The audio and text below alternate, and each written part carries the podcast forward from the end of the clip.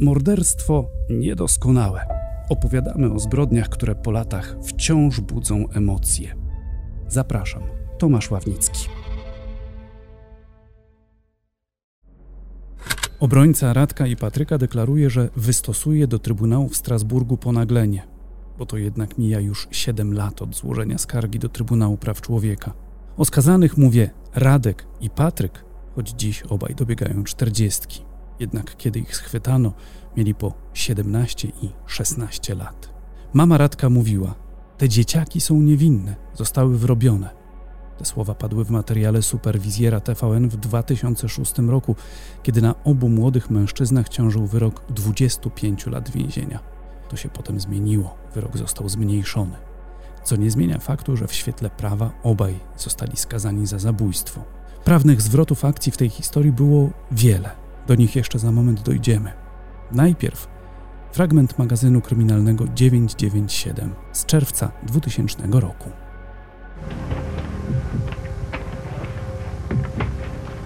No nie żyje, po policję trzeba zadzwonić. Nie żyje? No nie żyje.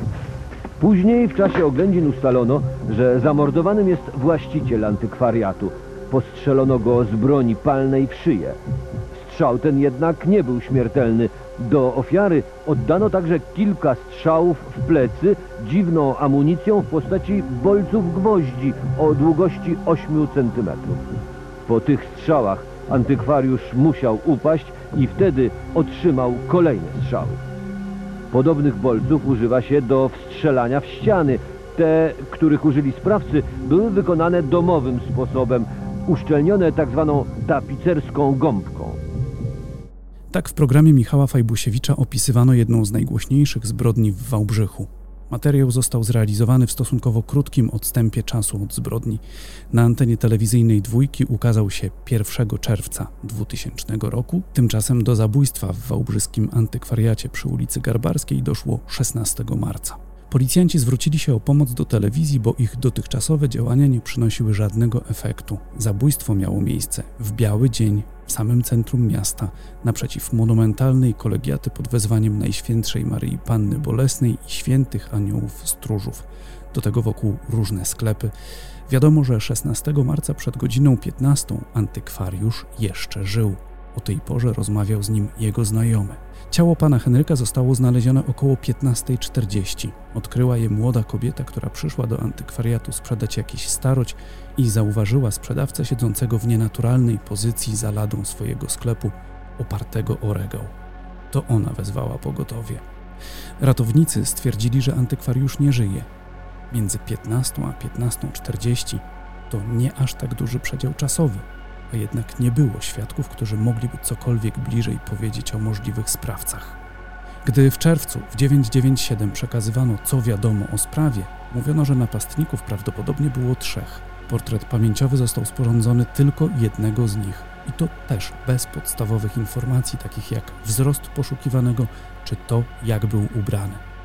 Uprzedzając wypadki, po pewnym czasie ustalono, że ów portret to wizerunek właściciela jednego ze sklepów w tym rejonie – Świadek mówił, że widywał tego człowieka często w okolicach antykwariatu, jakby miał stać na czatach.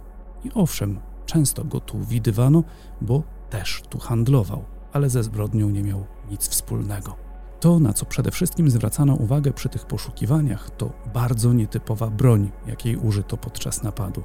Właściwie rodzaje broni były dwa co wskazuje, że sprawców musiało być co najmniej dwóch. Z ekspertyz balistycznych wynikało, że do antykwariusza jeden z napastników wystrzelił pocisk z broni gazowej przerobionej na palną, a drugi specjalną wstrzeliwarką wystrzelił pięć pocisków. To były 8-centymetrowe gwoździe wykonane własnym sumptem na tokarce.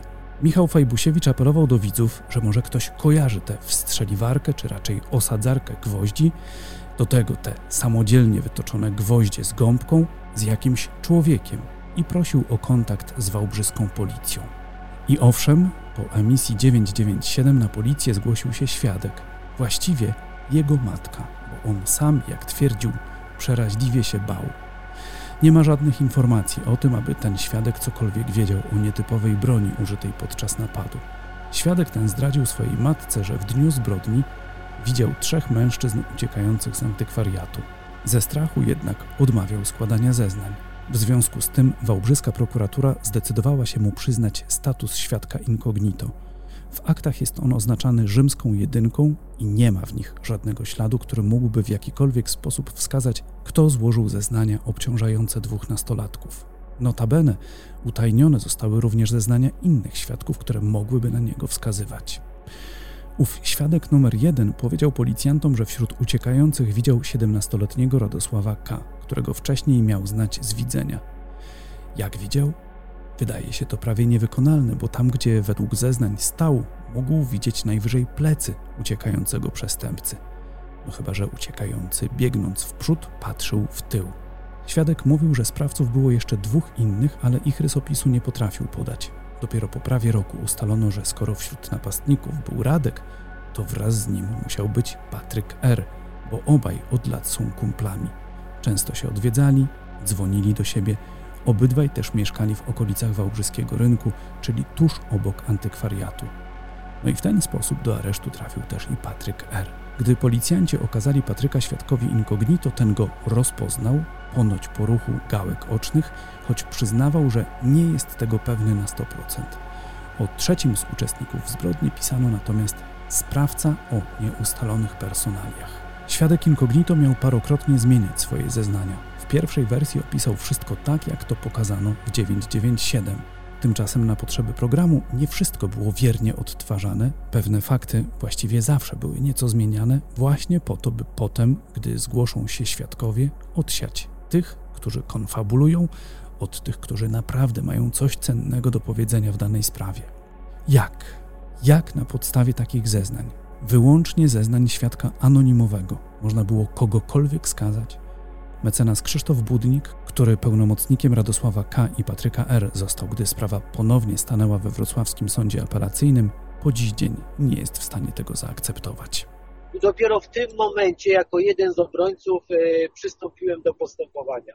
Czyli nie znam procesu przed sądem pierwszej instancji, natomiast na podstawie akt sprawy mam prawo wnioskować, że wyłącznym dowodem na sprawstwo obu oskarżonych były zeznania świadków incognito. Proszę zwrócić uwagę, nie było, nie ma żadnych dowodów materialnych, na przykład na obecność któregokolwiek z nich na miejscu zdarzenia. Ślady DNA, odciski palców, ślady butów czy coś takiego. Nic takiego nie ma. Czyli bezpośrednio po zdarzeniu policja przychodzi no, na miejsce zbrodni, tak jak to typowo e, wygląda, zabezpiecza wszelkie ślady i nie zabezpieczono żadnych śladów, a zwróćmy uwagę, e, to nie były osoby, które miały świadomość i szczególnie dbały o swoją anonimowość. Tak jak nieraz się zdarza, prawda, że tam specjalny ubiór czy coś takiego. Nawet według świadka incognito to było wejście do antykwariatu i wyjście osób normalnie ubranych w normalnych butach. Zresztą charakterystycznie opisywane. No to jak pan to, mówi wejście i wyjście, to od razu zatrzymam się.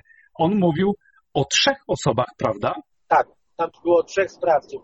Tych dwóch i trzeci sprawca do dnia dzisiejszego nie jest e, ujawniony.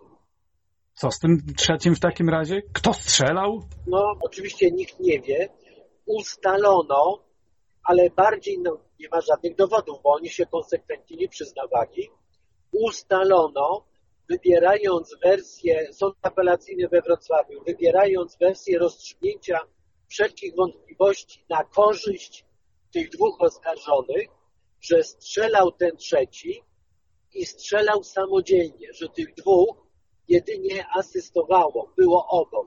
To pozwoliło na zmniejszenie kary proszę zwrócić uwagę, jaką Świdnica dała karę. No tak, było 25. Dokładnie. Natomiast sąd apelacyjny ostatecznie zmniejszył im karę do 15 lat pozbawienia wolności. Górna granica, ale bez tego podwyższenia i zaostrzenia. I uzasadnił to tym, że nie ma dowodów, aby strzelali albo w jakikolwiek sposób podżegali do tego, żeby ten trzeci strzelał no wyraźnie chciał im złagodzić, e, złagodzić tą karę, nie chciał ich uniewinnić, bo moim zdaniem do dnia dzisiejszego uważam, że w tej sprawie jest brak dowodów sprawstwa i winy tych dwóch oskarżonych. No, dziś to są ludzie prawie 40-letni, wtedy byli nastolatkami. To im zupełnie zmieniło życie, zakładając faktycznie, że są niewinni. Tak, tak, tak, są innymi ludźmi, no stracili swoją młodość. Trochę kontaktów z nimi miałem również w postępowaniu penitencjarnym i powiem panu, że są takie trzy rzeczy, które zwracały moją szczególną uwagę.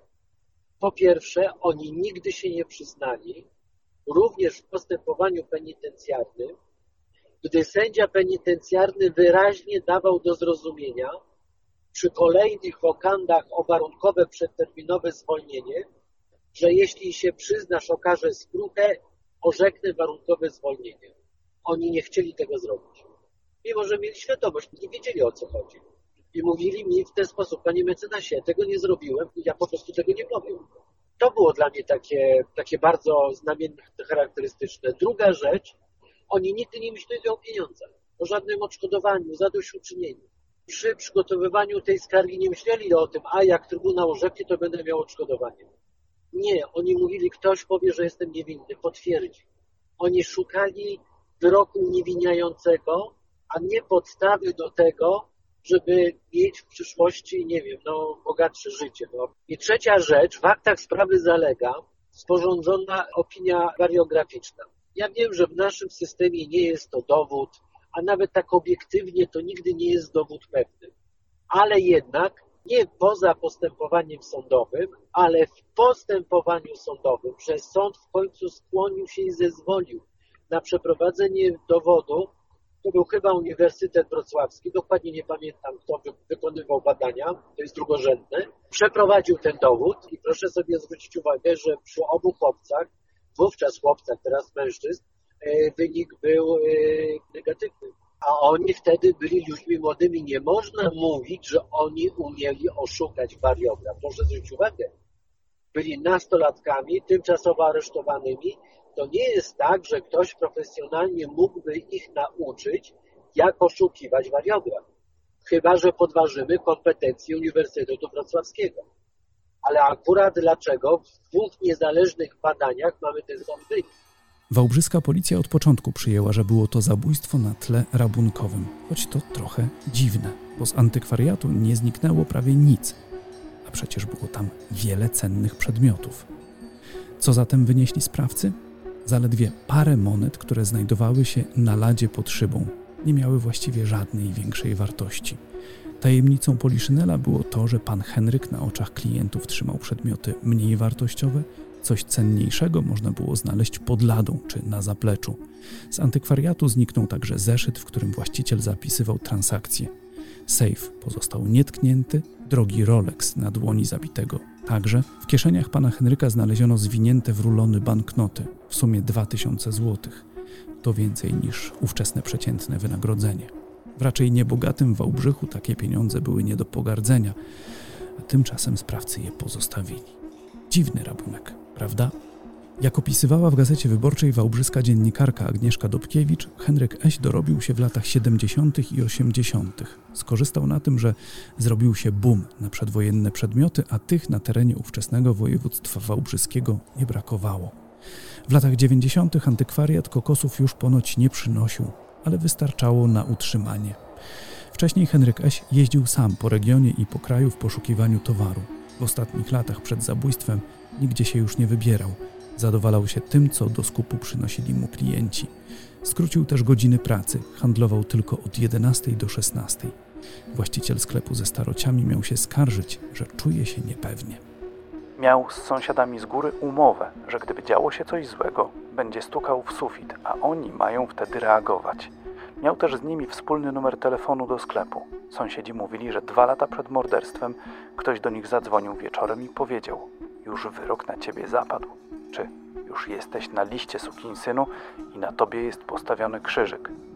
Henryk Eś interesował się różdżkarstwem, wróżbiarstwem, niekonwencjonalnym leczeniem. Jeden z antykwariuszy zeznał, że na zewnątrz w antykwariacie Eś wystawiał tylko mniej cenne rzeczy. On sam widział, jak Grekowi, którego odwiedził, wyciągnął spod lady siatkę ze srebrnymi i złotymi zegarkami. Jego zdaniem były warte około 100 tysięcy złotych. Tak w Gazecie Wyborczej relacjonowała Agnieszka Dobkiewicz. Skoro jednak z antykwariatu nie zniknęło nic cennego, W mieście błyskawicznie pojawiły się spekulacje, komu Henryk Eś mógł się narazić. Dość szybko pojawiły się informacje, że właściciel sklepu ze starociami prowadził interesy z paserami i to tu należałoby szukać motywów zbrodni. Nawet jeden z policjantów w notatce stwierdził, że zamordowany antykwariusz współpracował ze środowiskiem przestępczym i skupował rzeczy pochodzące z przestępstw. Miał je trzymać w tajnych skrytkach. Tego jednak nigdy nie udowodniono. Jedna z plotek, które wówczas krążyły, mówiła, iż miesiąc przed śmiercią antykwariusz otrzymał od złodziei cenne ikony pochodzące z włamania. Obiecywał za nie dobrze zapłacić, ale słowa nie dotrzymał. W magazynie kryminalnym 997 powiedziano o nim tak. Był człowiekiem bardzo skrytym, mało towarzyskim. Swe kontakty z otoczeniem ograniczał do spraw związanych z działalnością handlową. Te określenia to, jak łatwo się zorientować czytając wspomnienia wielu Wałbrzyszan, eufemizmy. Stwierdzenie, że był skryty i mało towarzyski oznacza m.in., że jeśli ktoś wszedł do antykwariatu i nie powiedział dzień dobry, to potrafił go wyrzucić na zewnątrz. Bardzo często już od progu wyganiał młodych klientów, bo wiedział z góry, że przychodzą tylko się pogapić. W jednym ze wspomnień można przeczytać, że właściciel owszem był chamski, ale do momentu wyjęcia banknotów. Jak już widział, że zarobi, stawał się mniej opryskliwy. Ale jak pisała Agnieszka Dobkiewicz, gdy sklep nachodzili jacyś pijaczkowie, na siłę próbując sprzedać jakieś bezwartościowe rzeczy, to potrafił wyciągnąć broń i postraszyć, że strzeli w nogę. Bo owszem, broń przy sobie miał właściwie zawsze. Wiadomo, że na zapleczu trzymał też pałkę i miotacz gazu, a jednak tego dnia nie zareagował w porę. Ważna kwestia. Radosław K. 16 marca 2000 roku był na miejscu zbrodni. Mieszkał blisko, zjechało się mnóstwo policji. Prokuratorowi mówił, gdy śledczy dopytywał, co robił tego dnia, że poszedł tam z ciekawości. Zapewniał, że pod antykwariatem pojawił się dopiero, gdy przyjechały radiowozy. Wcześniej był w swoim mieszkaniu. Mogą to potwierdzić mama i dziewczyna. Tyle, że w oczach prokuratora to żadne alibi. Jasne, że matka i dziewczyna podejrzanego będą robić wszystko, by go oczyścić z zarzutów. Zapewniał, że w antykwariacie był ostatni raz, jak był w trzeciej klasie podstawówki.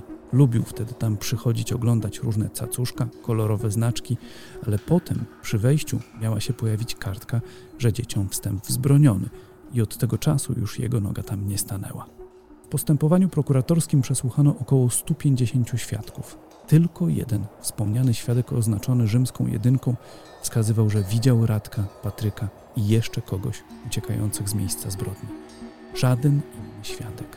Polecenie odnalezienia tego trzeciego sprawcy dostali wałbrzyscy policjanci i niektórzy z nich otwarcie przyznają, że szybko się zorientowali, iż na ławie oskarżonych zasiedli niewinni ludzie. Emerytowany policjant Janusz Bartkiewicz przez lata dowodził, że za kraty posłano nastolatków bez żadnych dowodów, albo inaczej, na podstawie dowodów nic nie wartych. Prokuratura Okręgowa w Świdnicy, nie dysponując jakimkolwiek dowodem wskazującym na sprawców zbrodni, akt oskarżenia oparła na tzw. zamkniętym łańcuchu poszlak wskazującym na fakt główny. I nikt nie miał wątpliwości co do winy oskarżonych, łącznie z Sądem Najwyższym, który uznał, że przedstawione przez prokuraturę poszlaki są absolutnie wystarczające. Stało się tak, chociaż poszlaki te były tak naprawdę warte funta psich kłaków, bo opierały się na zeznaniach świadków anonimowych, którzy na temat zabójstwa nie posiadali nawet podstawowej wiedzy. Nic nie widzieli, nic nie słyszeli, nie byli nawet w pobliżu miejsca zbrodni w czasie jej trwania, ani tuż przed nią, jak i po niej. Oni tylko zeznali, że jeden notoryczny konfabulant pewną bajkę im opowiedział. Przypomnę, że proces jednakże toczył się nie o to, czy konfabulant coś mówił, czy nie, toczył się, ponieważ na tej konfabulacji oparto akt oskarżenia, dla potrzeb którego stworzono właśnie jak najbardziej sztuczny łańcuch poszlak, który rzekomo miał wskazywać na fakt główny, czyli na to, że oskarżeni zastrzelili antykwariusza. W jego wyniku dwaj niewinni chłopcy zostali skazani na 25 lat więzienia i nikt z policjantów, prokuratorów i sędziów nie miał z tego powodu żadnych wyrzutów sumienia, chociaż proces był jak najbardziej poszlakowy. Tak Janusz Bartkiewicz pisał na swoim blogu. Te 25 lat orzeczono, przypomnę, najpierw w Świdnicy, potem we Wrocławiu. Pokazywanie mi zdjęcia, patrz co z nim zrobiłeś, to mnie powiedział policjant i chcieli, żebym się przyznał albo do włamań, których nie popełniłem, albo do morderstwa. Kiedy mieliśmy ostatnią rozprawę, jeszcze pytałem się kolegi, co będzie za chwilę robił.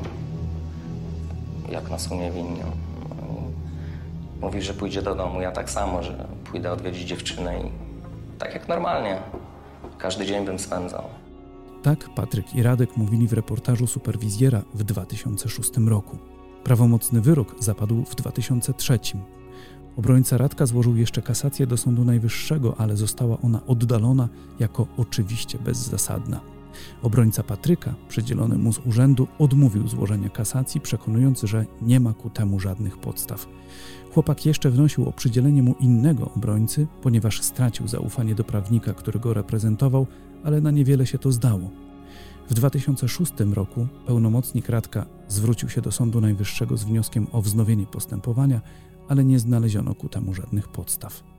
Dopiero w 2009 Sąd Apelacyjny we Wrocławiu przyznał, że i Patrykowi przysługuje prawo do kasacji, z którego nie dane mu było skorzystać 6 lat wcześniej, bo odmówił tego przydzielony mu z urzędu adwokat. No i to był przełom. Nowy pełnomocnik złożył kasację i tu decyzja Sądu Najwyższego była już zupełnie inna. W sprawie Patryka wyrok został uchylony, a jednocześnie w sprawie Radka sprawa została przekazana do ponownego rozpatrzenia. Oczywiście to wcale nie oznaczało, że którykolwiek z nich może wyjść z zakrat. To był dopiero początek drogi. W 2011 roku Sąd Apelacyjny we Wrocławiu zmniejszył obu skazanym wysokość kary z 25 do 15 lat, uznając, iż do antykwariusza mógł strzelać ten trzeci, nieustalony sprawca. Przy czym i Radek, i Patryk, zdaniem sądu, musieli wiedzieć, iż ten trzeci ma przy sobie broń. Mecenas Krzysztof Budnik zwraca jednak uwagę, że w tym wyroku jest pewna niekonsekwencja. Proszę zwrócić uwagę na pewną niekonsekwencję tego ostatniego, najbardziej przychylnego sądu apelacyjnego, który dał im 15 lat. Jakie było rozumowanie sądu? Sąd mówił tak, ponieważ nie ma żadnych dowodów, bo oni przecież nie przyznają się do winy, nie ma żadnych świadków, nie ma żadnych dowodów materialnych na to, co działo się w środku, a ten trzeci mężczyzna był niewątpliwie od nich starszy, bo nawet według tego świadka incognito to, to już był ktoś dojrzalszy, to ci byli chłopcami, trzynastolatkami, to sąd przyjął, rozstrzygając tą wątpliwość, który z nich strzelał, z jaką motywacją, mówiąc w ten sposób, że to ten trzeci strzelał. A ja bym poszedł dalej.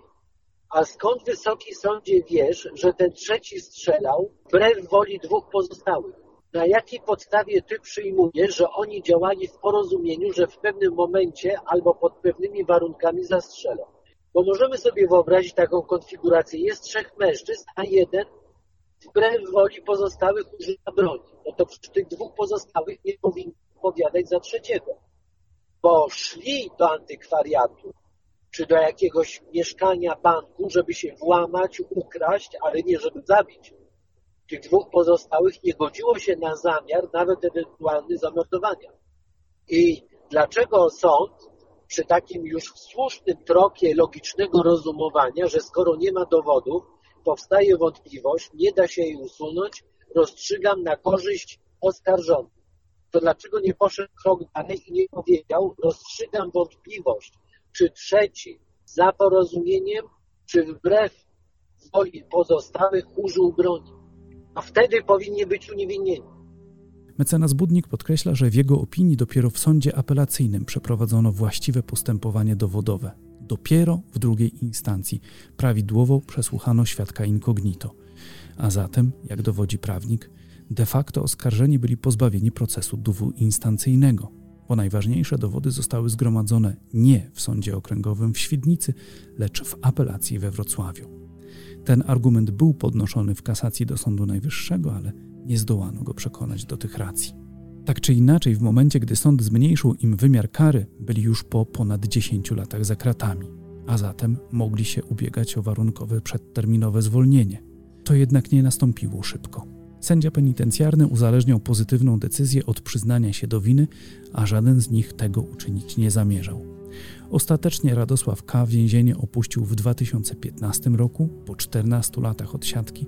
Patryk R. siedział jeszcze dłużej. Na wolność wyszedł w 2017. O zastosowanie wobec więźnia warunkowego przedterminowego zwolnienia z odbywania kary wnioskował zakład karny w Strzelnie. Jego kara kończyła się w listopadzie 2017. wyszedł niewiele wcześniej. Ale to nie załatwia sprawy. Choć na razie przed polskim wymiarem sprawiedliwości wszelkie furtki są zamknięte, przyznaje mecenas Krzysztof Budnik. Sama sprawa główna no, jest dawno prawomocnie zakończona. Tak, Kara tak. pozbawienia wolności jest odbyta. Tam w końcówce jeden i drugi chłopak dostali warunkowe przedterminowe zwolnienie. Natomiast w toku tego postępowania mniej więcej równolegle z kasacją do Sądu Najwyższego od tego ostatniego wyroku Sądu Apelacyjnego we Wrocławiu, gdzie im wymierzono 15 lat, wnieśliśmy skargę do Trybunału Praw Człowieka. Przedmiotem skargi jest naruszenie prawa do rzetelnego, uczciwego, sprawiedliwego procesu. Polega to na tym, że w świetle orzecznictwa Trybunału dowód postaci świadka incognito nie może być wyłącznym dowodem skazania. Czekamy na rozpatrzenie. No niestety jest ogromna przewlekłość w Trybunale Praw Człowieka. W międzyczasie miałem tylko jedną korespondencję z Trybunału, bodajże w 2018 roku przed pandemią. Czy nasza skarga, wiele lat temu złożona, jest nadal aktualna, czy ją podtrzymujemy? Odpowiedzieliśmy, że tak, podtrzymujemy. Oczywiście ujawniłem tą okoliczność, że w chwili zapytania chłopcy już byli na wolności, ale że podtrzymujemy tą skargę. W naszym krajowym porządku prawnym nie jesteśmy w stanie już nic zrobić, ponieważ nie ma przesłanek do kolejnego wznowienia, bo tam były wznawianie postępowania, po prostu już nie dostaniemy się do sądu. To jest po pierwsze. Natomiast jeżeli Trybunał Sprawiedliwości stwierdzi, że został artykuł, no w szczególności artykuł 6 konwencji naruszony, wówczas po pierwsze to może być podstawą wznowienia, po drugie może skłonić prokuratora generalnego, aby w wykonaniu tego wyroku jeszcze raz poddać kontroli sądowej naszą sprawę. Zamiast puenty, na koniec trzy smutne fakty. Zakładając, że to nie Radek i Patryk zabili antykwariusza z ulicy Garbarskiej, to znaczy, że rzeczywisty sprawca uniknął odpowiedzialności. Janusz Bartkiewicz twierdzi, że wie, kto to mógł zrobić. Jego zdaniem Henryk Eś zginął w wyniku przestępczych porachunków. Raport w tej sprawie został przekazany przełożonym, ale nikomu nie było to na rękę, bo przecież w świetle prawa winnych znaleziono.